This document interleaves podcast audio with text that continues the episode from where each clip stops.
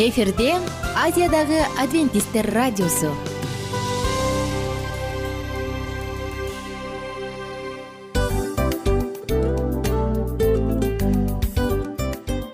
Достор салют. Баардык сүйүктүү угармандарыбызга салам айтабыз. Кутман күнүңүздөр менен. Ден соолук өмүрдүн булагы демекчи саламат саамы программасында баарыңыздарды көргөнүбүзгө абдан кубанычтабыз. Анда алгач амандашып өтөлү арбаңыздар деп. Ден соолугуңуздар кандай элибизде көбүнчө ден соолук кандай дегенде эле жакшы деп жооп беребиз э? ооруп турсак дагы жакшы дейбиз. Анан мен муну айтып ойлойт элем бул абдан сонун сөз депчи анткени бул жакшы деген үмүт да э ооба баары жакшы болот. Баары сонун. Деп үмүттөнүп атып эле өзүбүздү өзүбүз дарылап коебуз.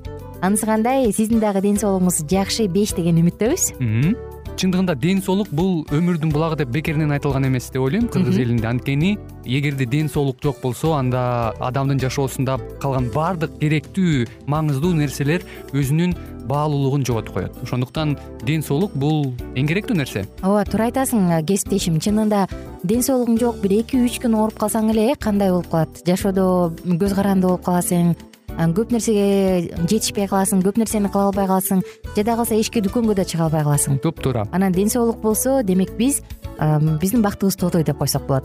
Анда достор саламат рубрикабызды баштайлы. Алдыда өзүңүзгө керектүү болгон сонун кеңештерди уга аласыздар. Мына ошондуктан биз менен бирге болуңуздар. Ал эми биз болсо милан жана айнура.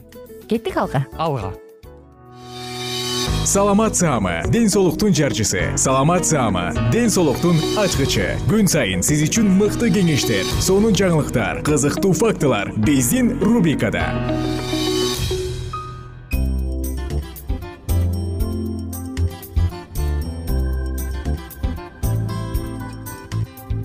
Кутман күнүңүздөр менен достор кадырлуу замандаштар. Салам баарыңыздарга. Бүгүнкү күнүңүз кандай өтүүдө маанайыңыз сонунбу сиздер менен бирге саламат рубрикасында гипертонияга байланыштуу арналган кийинки сонун муздак суп жөнүндө бөлүшөлү деп турабыз. Негизи ар бир күн бул жараткандан берилген белек жаңы мүмкүнчүлүк деп коет эмеспизби. Анысы кандай? Бүгүнкү күн бүгүнкү мүмкүнчүлүк дагы сизге чын эле жагымдуу сонун жемиштүү күндү алып келсин. Жана албетте маанайыңыз беш болсун. Күн жакшы болуш үчүн албетте биз бактылуу сезишибиз керек өзүбүздү. Адамдын бактылуулугу үчүн анын саламаттыгы өтө эле маанилүү адам ооруп турса баары сонун болсо дагы бирок эч нерсенин кереги жок болуп калат. Ошондуктан ден соолуктун камын көрүп ден соолукка көбүрөөк көңүл бурууга үндөп биз кайрадан пайдалуу суусундуктар деп аталган циклды улантабыз. Дагы теманы бир жолу кайталай кетсем бүгүнкү тема гипертонияга арналат. Негизи гипертонияда бүгүн андалузия гаспачосу жөнүндө сөз кылалы деп турабыз. Гаспачо муздак суп. Бул испан элинин салттуу супу суп же шорпосу деп койсок болот. Чийки жемиштерден жана зыгыр майынан жасалат. Оливковое масло деп коет эмеспизби? Дал ушул зыгыр майынан. Анын бир нече варианттары бар. Бирок эң эле кеңири таркалганы бул адамды сергитүүчү андалузия гаспачосу барселония университети испанияда бир чоң изилдөө жүргүзүп анда алар дал ушул гаспачону дайыма регулярдуу колдонуп туруу ичип туруу анын систолическалык жана диастолическалык э, бул жогорку жана төмөнкү кан басымдын баардыгын тең туура нукка салат экендигин жана жүрөк кан тамыр ооруларында абдан мыкты жардамчы экендигин далилдешкен. Гаспачо бул кан тамырдын баягы антигипертониялык сонун бир кереметтүү таасири бар. Мына бул эмне себептен мындай таасирге ээ десеңиз анын курамындагы томат адамдын жүрөк кан тамырларына жакшы таасир калтырат. Андан тышкары башка ингредиенттердин баардыгы тең пайдалуу. Андалузия гаспачосу. Бул адамдын денесиндеги суюктуктун запасын толтуруш үчүн витаминдерди алыш үчүн жана өсүмдүктөн жасалган өсүмдүк азык түлүктөрдүн баардыгынан тең витамин алыш үчүн жана канды тазалаш үчүн эң мыкты сонун ыкма болуп саналат. Жана ошондой эле булардын баардыгы комплексте гипертониянын өрчүүсүн алдын алат андалузия гаспачосу адамды сергитет жана кан басымды нукка салат. Кээ бир э, баягы суусундуктар дарылуу болгону менен бирок алар адамды сергитпейт э? Мына бул экөө тең болсо андалузия гаспачосунда бар. Ошондой эле андалузия гаспачосу кан басымды нукка салат төмөндөтөт адамдын канын тазалайт жана артериялардын баардыгын коргойт мындай суптун курамында с витамини е витамини к витамини б алты витамини фалат калий а витамини магний селен витамин бир темир цинк. Мына ушундай сонун кереметтүү азыктандыруучу заттардын баардыгы камтылган. Эми супту жасай баштайлы муздак суп кантип жасалат? Ингредиенттер. Төрт порция үчүн ар бири эки жүз элүү миллилитрден ошондо бул бир литр суп үчүн эмне керек? Төрт томат орточо көлөмдө. Ар бири жүз жыйырма үч граммдай болсо болот бир бадыраң орточо көлөмдө бир таттуу перец. Колдон келсе жашылын алганыңыз жакшы. Жарым пияз эки сындырым нан үч тишче чеснок эки аш кашык оливка майы же зыгыр майы бир чай кашык кадимки эле туз. Колдон келсе деңиз тузун колдонгонуңуз жакшы. Жана эки аш кашык лимон ширеси мүмкүн муну алма уксусу менен алмаштырып койсоңуз болот. Жана бир чашка суу. Эми бул баардык ингредиенттин баардыгын тең блендерге салыңыз майдан башкасын. Анын баардыгы бирдей масса болгончокту жакшылап аралаштырыңыз. Мүмкүн болсо баягы колдун миксериндеги колдонсоңуз болот. Андан кийин акырындан майды куюңуз дагы аны дагы башка ингредиенттер менен аралашкандай кылып кайра жакшылап аралаштырыңыз. Мунун баардыгын тең ситодан өткөрүп алыңыз дагы тарелкаларга куюңуз эми мындай супту сиз перец пияз бадыраң жана башка майда туралган жашылчалар менен жана бир аз куурулган нан менен дагы кооздоп койсоңуз болот. Мына достор оңой жана витаминдүү суп даяр. Мага жакты жасап көрүш керек экен деп калдым. Өзгөчө жайкысын э ысык тамак курсакка барбай калат го. Ошондой учурда жасап койсо болчу да кийинки айта турган настой бул тундурма каркаде деп аталган суусундук. Бул каркаденин курамында абдан керектүү адамдын артериялардын кан басымын стенкаларына керектүү болгон аларды тазалоочу сонун нерсе бар. Булардын баардыгы атеросклерозду алдын алат. Андан тышкары жогорку кан басымды төмөндөтөт. Жана баардык эгер изилдөөлөрдү карай турган болсок өзгөчө тафта университетинин изилдөөлөрүн карай турган болсок булардын баардыгы тең алтыдан кийин ичип кое турган болсо кан басымды бир топ төмөндөтөт. Метаболисттик синдромну дагы жакшы. Кан басымды төмөндөткөндөн тышкары холестериндин деңгээлин төмөндөтөт дагы анан адамдын баягы метаболисттик синдром бар болсо бул учурда абдан пайдалуу. Эми сизге даярдаш үчүн эмне кылышыңыз керек? Даярдоо ыкмасы жарым чашка кургатылган предцветник гүлүн же гибкусту абдан жакшы эки литр сууда кайнатып алыңыз эки мүнөттүн тегерегинде. Андан кийин он мүнөт коюп коюңуз дагы ситодан өткөрүп алыңыз. Буга колуңуз келсе баягы стевия болсо стевия менен бир аз кошуп аны анан кийин даамын чыгарып коюңуз дагы болду. Анан акырындан иче берсеңиз болот. Бул каркаде напитогу суусундугу же тундурмасы гибикус гибискус гүлдөрүнүн тундурмасы же болбосо судан розасын дагы жасаса болот. Аны көбүнчө муздак бойдон ичишет ага бир нече лимон ширесин же мята жалбырактарын кошуп туруп анан ичип келишет. Мындай суусундуктун мындай тундурманын кандай касиети бар? Жогорку кан басымды төмөндөтөт артерияларды коргойт холестериндин деңгээлин төмөндөтөт антиоксидант жана диабетке каршы мыкты суусундук ошондой эле боорду коргойт жана салмакты азайтат мына достор дал ушул ыкмаларды колдонуу менен бирге гипертонияга каршы күрөшүңүз. Бүгүнкү күндө үнсүз ажал деп аталган гипертониядан коргонуш үчүн колдон келген аракеттин баарын жумшасак болот. Оорубаңыздар жакындарыңыздар менен аман болуңуздар. А мен болсо сиздер менен кийинки уктуруудан кайрадан амандашам. Күнүңүздөр көңүлдүү улансын. Бар болуңуздар жана бай болуңуздар. Кийинки уктурууда биз гипотония жөнүндө сөз кылабыз. Аны ал эмне кандай суусундук ичсе болот кандай суп ичсе болот мына булардын баардыгы алдыда. Кайрадан амандашканча.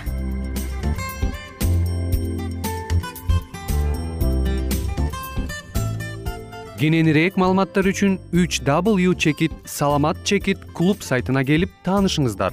Жана андан тышкары социалдык тармактарда youtube facebook жана instagram баракчаларына катталыңыз саламат саама ден соолуктун жарчысы. Саламат саама ден соолуктун ачкычы. Күн сайын сиз үчүн мыкты кеңештер сонун жаңылыктар кызыктуу фактылар биздин рубрикада.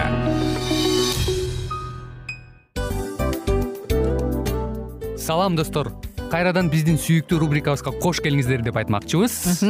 Баардык замандаштарыбызга арбаңыздар деп саламыбызды айтабыз. Улуу ушундай бир урматтаган учурашуу менен анан дил маек радио баракчабызга чакырабыз. Негизи дил маек биздин рубрикабызда эмне жөнүндө кеп кылабыз бул дил маектин мааниси эмнеде рубрикабыз менен кичине тааныштырып кетсеңиз. Сөзсүз түрдө тааныштыра кетейин кесиптешим суранычы боюнча бул учурда бул радио баракчада биз ар тарап кесип ээлеринен сонун кеңештерди алабыз сүйлөшөбүз сырдашабыз аталарыбыздын эжелерибиздин апаларыбыздын кеңештерин угабыз айтор жан дүйнөгө адамдын э, сапатына адамдын деги эле адам болуп жашашына керектүү баардык кеңештер алдыда негизи э, дил маек дегенде баягы эки адамдын ортосундагы сырдашуу кенен сүйлөшүү. Негизи эле биз адамдар бири бирибиз менен бир жерге жай жерге отуруп алып өзүнчө тынч жашоо жөнүндө өмүрүбүздө эмне болуп атканын бөлүшкөнү жакшы көрөбүз э адамдар. Ооба туура айтасың анан э, мындай учурга кээде убакыт да жетпей келет э? Же болбосо сырыңды кайгыңды муңуңду кубанычыңды айткың келет адамга ишенбешиң мүмкүн. Ооба. А бул радио баракча угармандарыбыздын чыныгы досу. Анткени бизден алган кеңеш сиздин жашооңузга чоң жардам берет. Ал эми сиздин бизге айта турган сөзүңүз ортодо гана сыр бойдон калат. Ошондуктан биздин дил маек рубрикабызга дагы бир жолу кош келиңиздер. Жана биз даярдаган маалыматтарга даяр болуңуздар.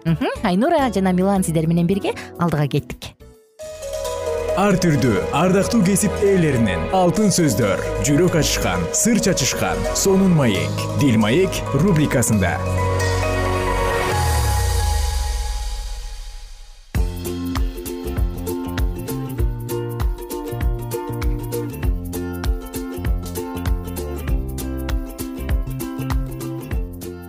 Салам достор. Кандайсыздар угармандар? Жалпыңыздар менен дил маек уктуруусундабыз жана бүгүнкү темабыз сүйлөө деп аталат достор дил маек уктуруусунда бактылуу үй бүлө деп аталган циклды дагы да улантып атабыз жана үй бүлөдө сүйлөө сүйлөй билүү маданияты канчалык кымбат канчалык зарыл экендигин мына бүгүн биз ушул уктурууда сөз кылабыз. Айтып коет э сүйлөчү анан сенин ким экениңди айтайын дейт. Адамды сөзүнөн билесиң.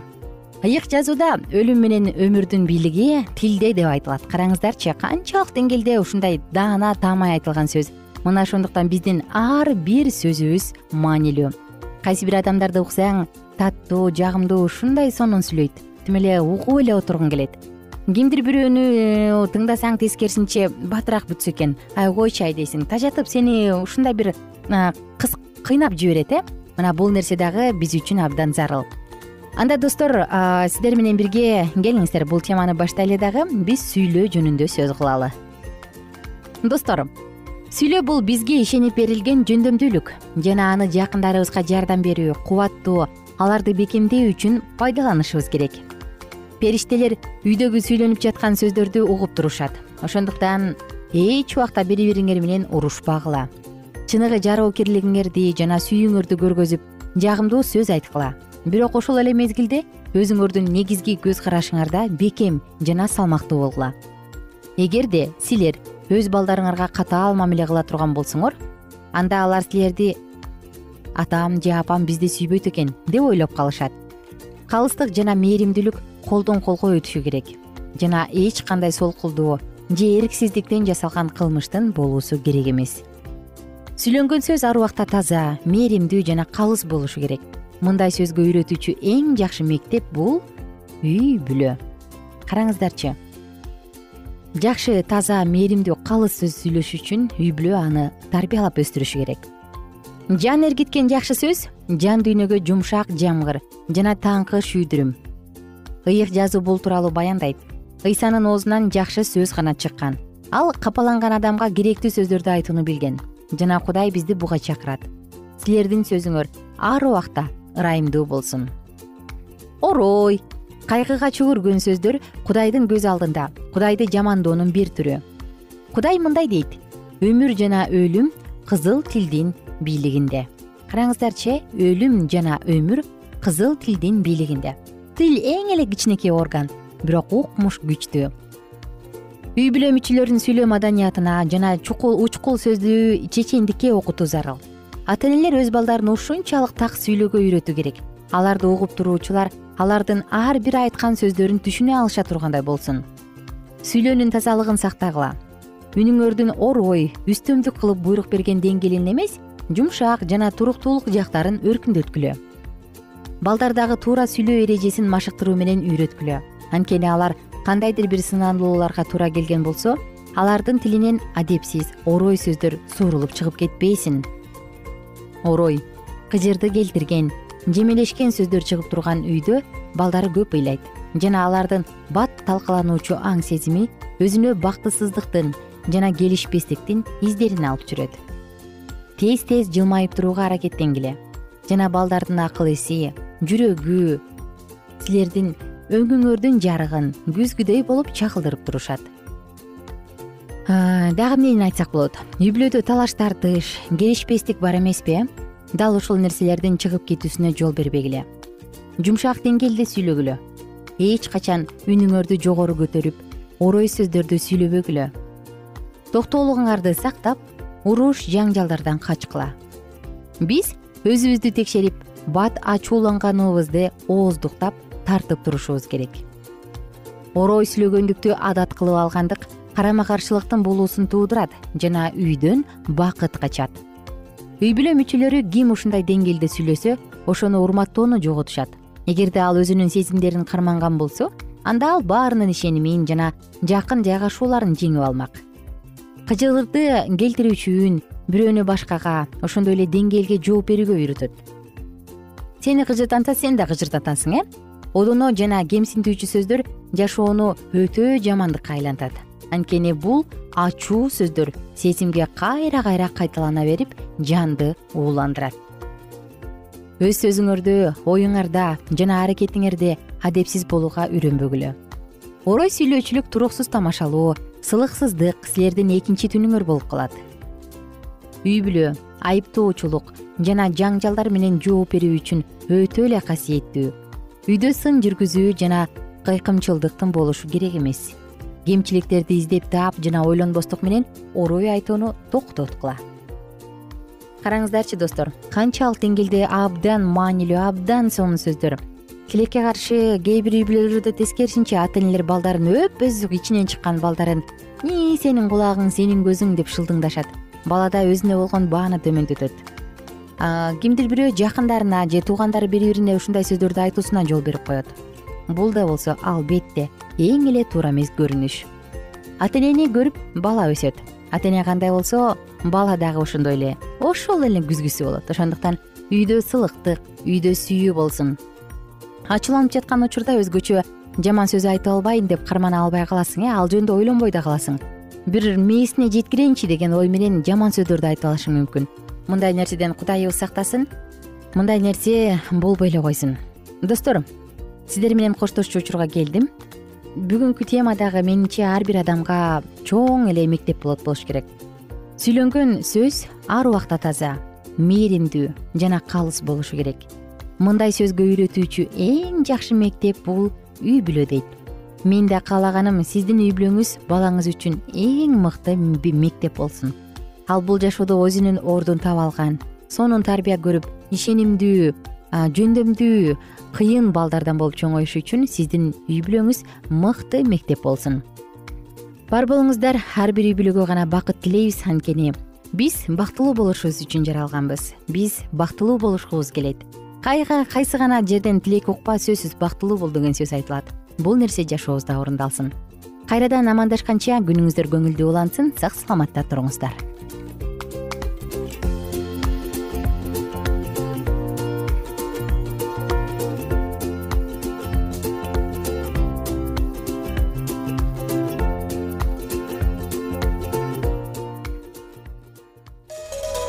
ар түрдүү ардактуу кесип ээлеринен. Алтын сөздөр жүрөк ачышкан сыр чачышкан сонун маек. Дил маек рубрикасында.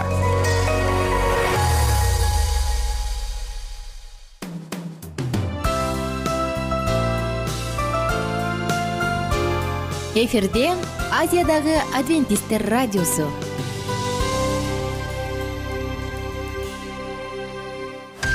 жан дүйнөңдү байыткан жүрөгүңдү азыктанткан жашооңо маңыз тартуулаган жан азык рубрикасы.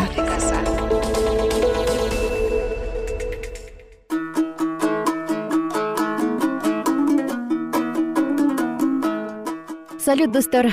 Саламатсыздарбы биздин кадырлуу замандаштарыбыз биздин сүйүктүү досторубуз биздин угармандарыбыз. Жалпыңыздар менен кайрадан жан азык уктуруусундабыз жана бүгүн дал ушул жаназык уктуруусунда инжил китебинен жакан жазган жакшы кабарды окуганды андан ары улантабыз. Эске сала кетсек мурунку уктурууларыбызда биз ыйса пасах майрамы учурунда өзүнүн шакирттери менен кечки тамакка чогулгандыгын сөз кылганбыз. Анан жүйүт искариот аны чыккынчылык кылып аны сатмак бул тууралуу сөз кылганбыз. Ыйса өзүнүн шакирттерине насааттарын айтып аткан чагы. Анда биз саатыбызды андан ары уланталы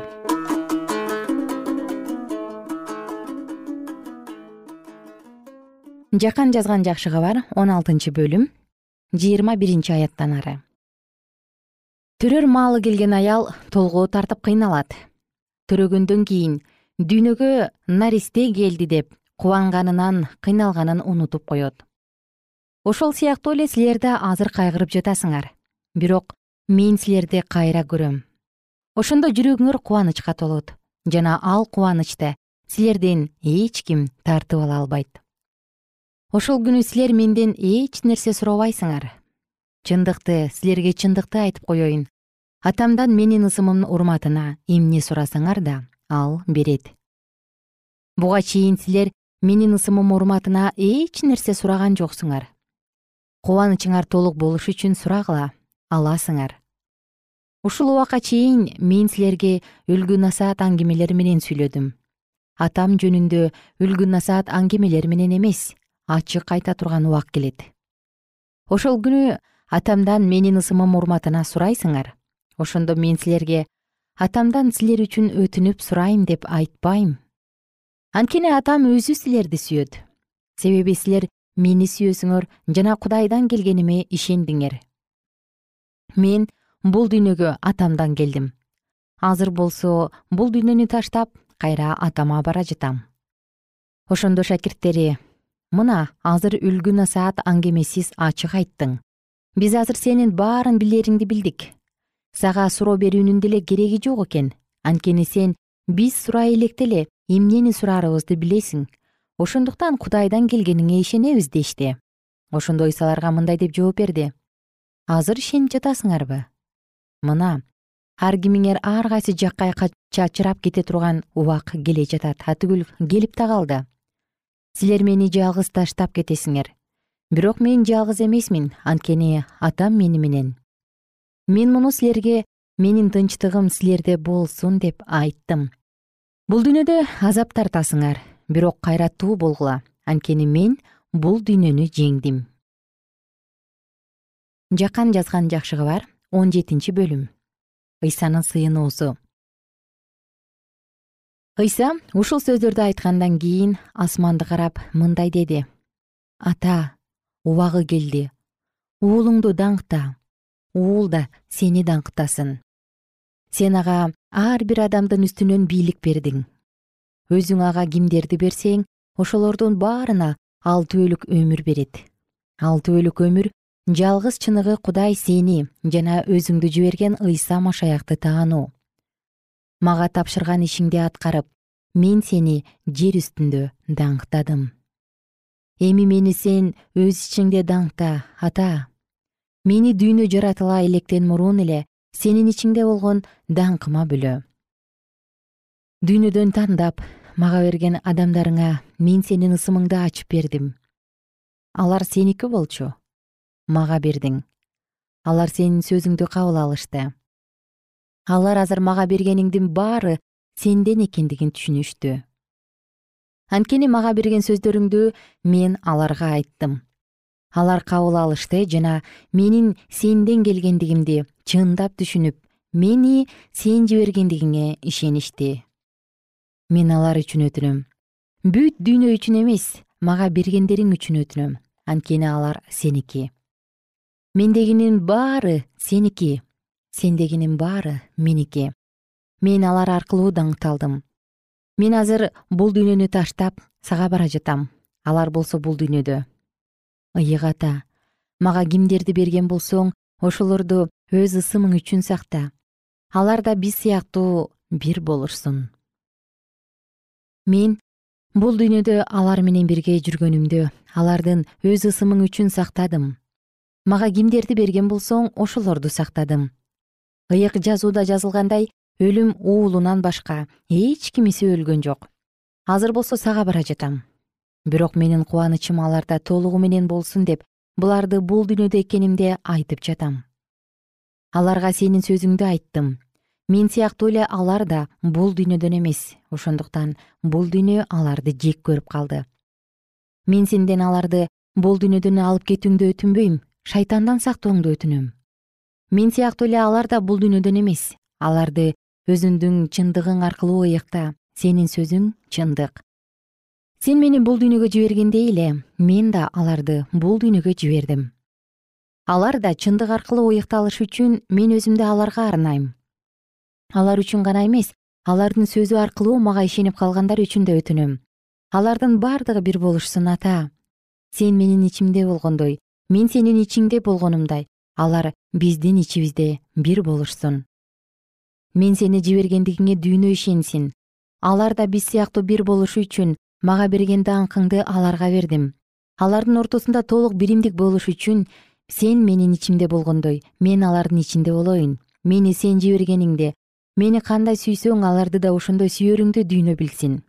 Ата сенин мага бергендериң да мен болгон жерде мени менен бирге болушуң жана мага берген даңкыңды көрүшүң каалайм анткени сен мени дүйнө жаратыла электе эле сүйчүсүң о адилеттүү ата бул дүйнө сени тааныган жок бирок мен сени тааныйм ал эми булар мени сен жибергениңди түшүнүштү. Сенин мага болгон сүйүүң алардын ичинде болушу үчүн мен алардын ичинде болушум үчүн мен сенин ысымыңды аларга ачып бердим жана ачып бере берем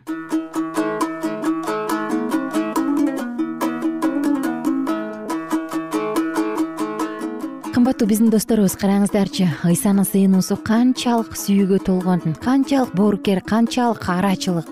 Кандай гана сөздөр. Бул жерге эч нерсе деп кошумча да алымча да кыла албайсың. Достор бул сыйынуу сиз үчүн болгон. Биз саатыбызды жыйынтыктайбыз кийинки уктуруудан кайрадан амандашканча.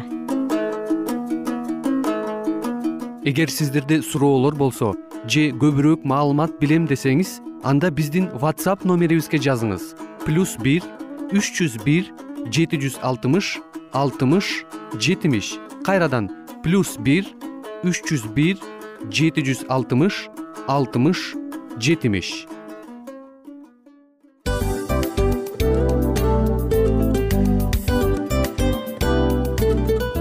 Ушул менен достор программабыздын уктуруубуздун эң кайгылуу мөөнөтүнө келип жеттик кайгылуу дегенде ыйлагым келип кетти кесиптеш. Кадимкидей. Анткени баягы учурашасың анан коштошуу учур келгенде ии кантип ии эми эми бат баттан келип тур э сагындырбай деп атып араң коштошобуз го.